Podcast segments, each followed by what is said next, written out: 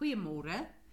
Ons is ver oggend in die begin van 'n nuwe week wat altyd vir ons 'n plek van nuwe verwagting bring en uh wat ons letterlik voel ons is uitgerus na 'n naweek en ons sien kans vir sommer baie dinge in die Here. Uh ons is 40 dae voor Rosh Hashanah, God se kalender En gewoonlik die van julle wat betrokke is by Ariel Gate, is dit die tyd wat ons ehm um, ons voorberei vir die nuwe seisoen wat God oopmaak, wat letterlik in die lees van die Bybel uh in die Joodse kultuur begin by Bereshit, Genesis 1, waar daar 'n nuwe begin is elke jaar. En dit is wat ek so hou van ons Vader se tydslokke. Dit voel asof wat ons jaarliks die geleentheid kry om in ons lewe goed uh, van ontslae te raak, maar ook goed in te bou volgens sy eh, perfekte wil vir ons lewe. Nou uh dan 'n 40 dae voor die tyd word daar 'n vas aangekondig. Nou hierdie vas uh is iets wat jy self kan besluit watter manier wil jy vas. Ek het ehm um, ver oggend gelees uh wat Anele vir my skryf dat sy suiker en koffie en ehm um, 'n uh, 'n uh, stysel ehm um, gaan vas wat 'n geweldige opoffering is. Party mense vas vleis ehm um, en brood en hulle is net Daniel vas. Uh daar is uh, dit hang af van waar jou liggaam is maar dit wat jy doen moet vir jou regtig waar 'n offer wees. Dit moet jou elke keer as jy in hierdie patrone wil ingaan laat dink, hoekom doen ek dit nie? En dit moet jou nader bring aan die Here. Nou wanneer ons praat van 'n vas, hoekom vas ek en jy? Wat beteken dit? Vas beteken letterlik om vir jou fisiese liggaam, jou fisiese omstandighede te sê, ek bring nou sekere goed tot stilstand in jou want ek wil uh, nader geestelik aan die Here beweeg. Ek wil 'n platform skep vir die Here om in my lewe te werk in 'n dieper dimensie as ooit tevore. En dan 'n baie baie belangrike ding.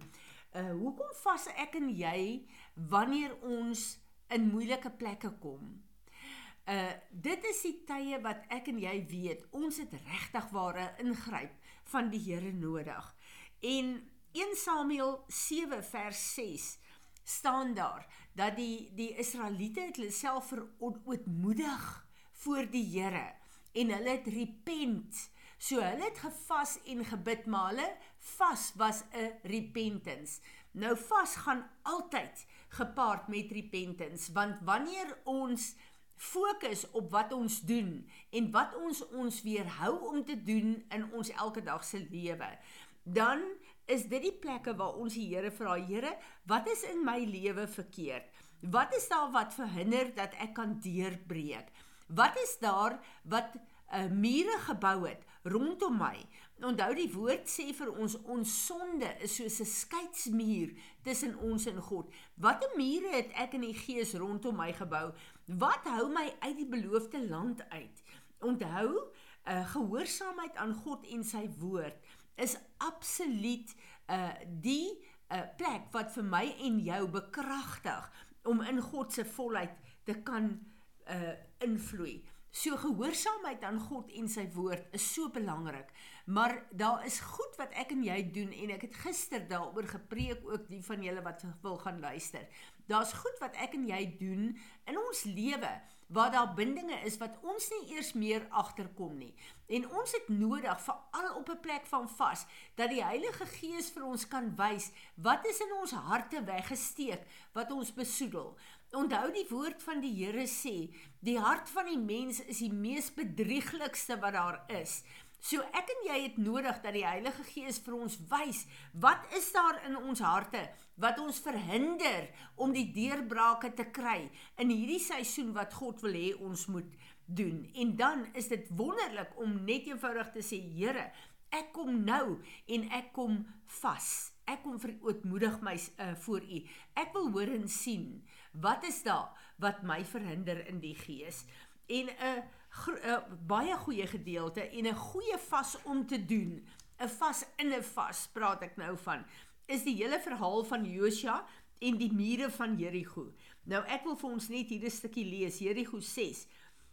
Now Jericho, a fortified city with high walls, was tightly closed because of the people's fear of the sons of Israel. No one went out or came in. The Lord said to Joshua, See, I have given Jericho in your hand, with its king and the mighty warriors. Now you shall march around the city, all the men of war circling the city once. You shall do this once each day for six days. Also, seven priests shall carry seven trumpets made of ram's horns ahead of the ark. Uh, then on the seventh day you shall march around the city seven times, and the priests shall blow the trumpets. When they make a long blast with a ram's horn, and when you hear the sound of the trumpet, all the people shall cry, cry out with a great shout, a battle cry, and the wall of the city will fall down in its place. And the people shall go up, each man going straight ahead, cl- climbing, uh, climbing over the rubble. Now, um, so Joshua, the son of Nun, uh, called for the priest and said, Take up the ark of the covenant and have seven priests carry seven trumpets made of ram's horns ahead of the ark of the Lord. Hierdie is vir my so 'n 'n 'n beeld van wanneer ons God gehoorsaam, wanneer ons ons daaglikse goed begin verander en gehoorsaam is aan God. Jericho in hierdie mure was 'n hindernis vir hulle om die beloofde land, die beloftes van God in te neem.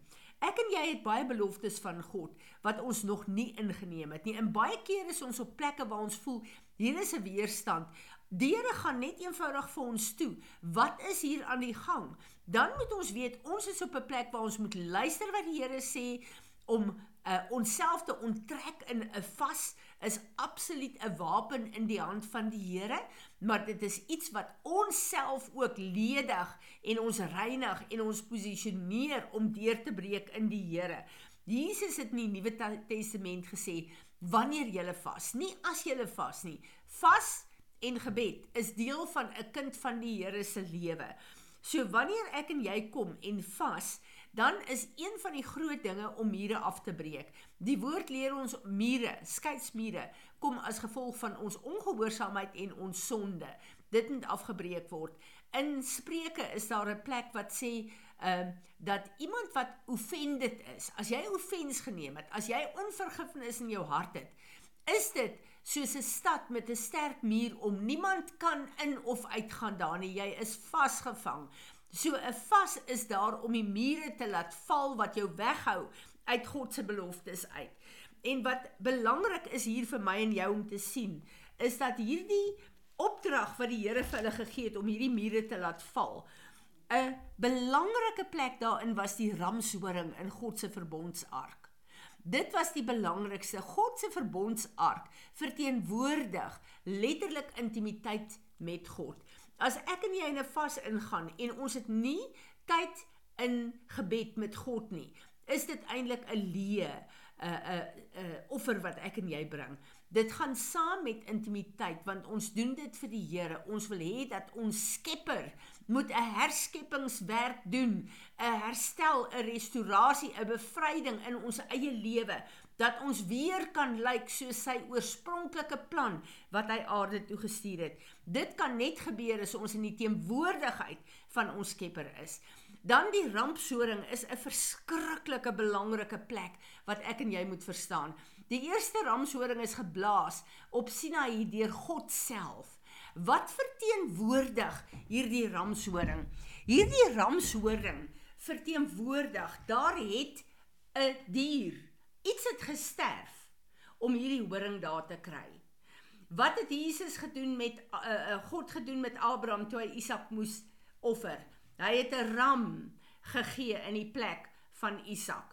Nou hierdie ramshoring beteken daar was 'n offer gewees En God het profeties die ramshoring geblaas om te sê dit is sy stem wat deur hierdie ramshoring gaan, deur Jesus Christus se offer gaan en wat uitkom deur die wind, die werking, die geluid van die Heilige Gees van God wat in my en jou lewe.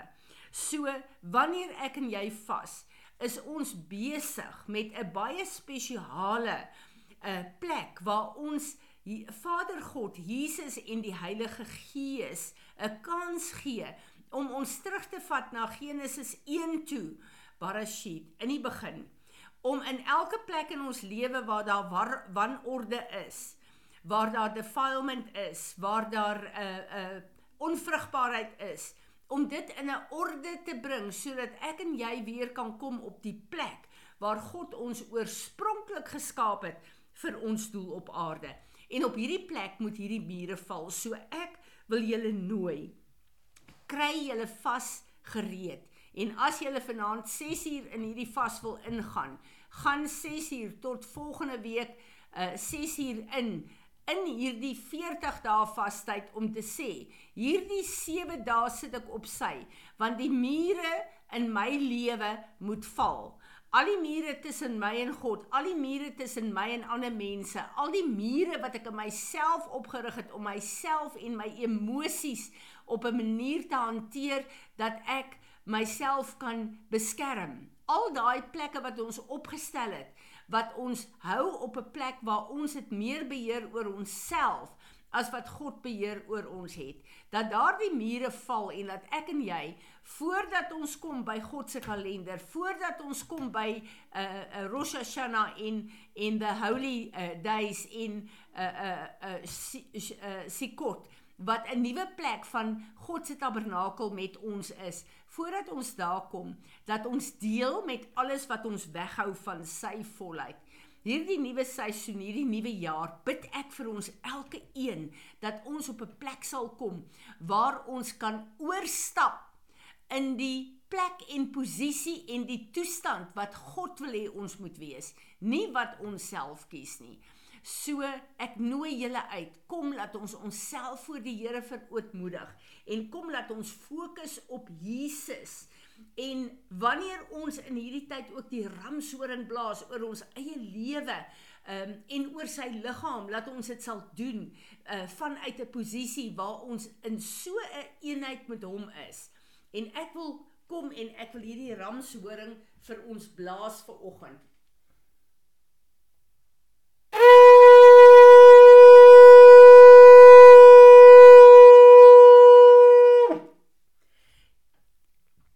Here Jesus, dankie dat U die volmaakte offer is tot in alle ewigheid.